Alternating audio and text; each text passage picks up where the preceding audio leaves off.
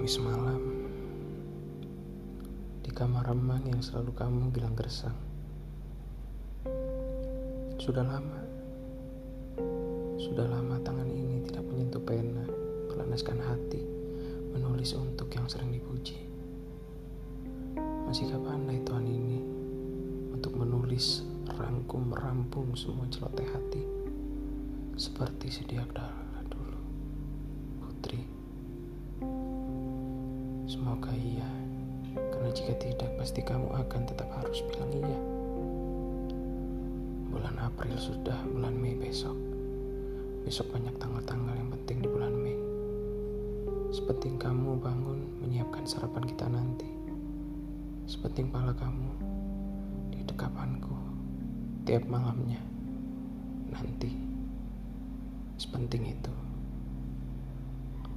Kukira sampai sini dahulu perkataan yang jarang ini. Diketik dengan jari yang grogi juga hati yang perlahan memberi instruksi untuk kesayanganku di ujung malam ini.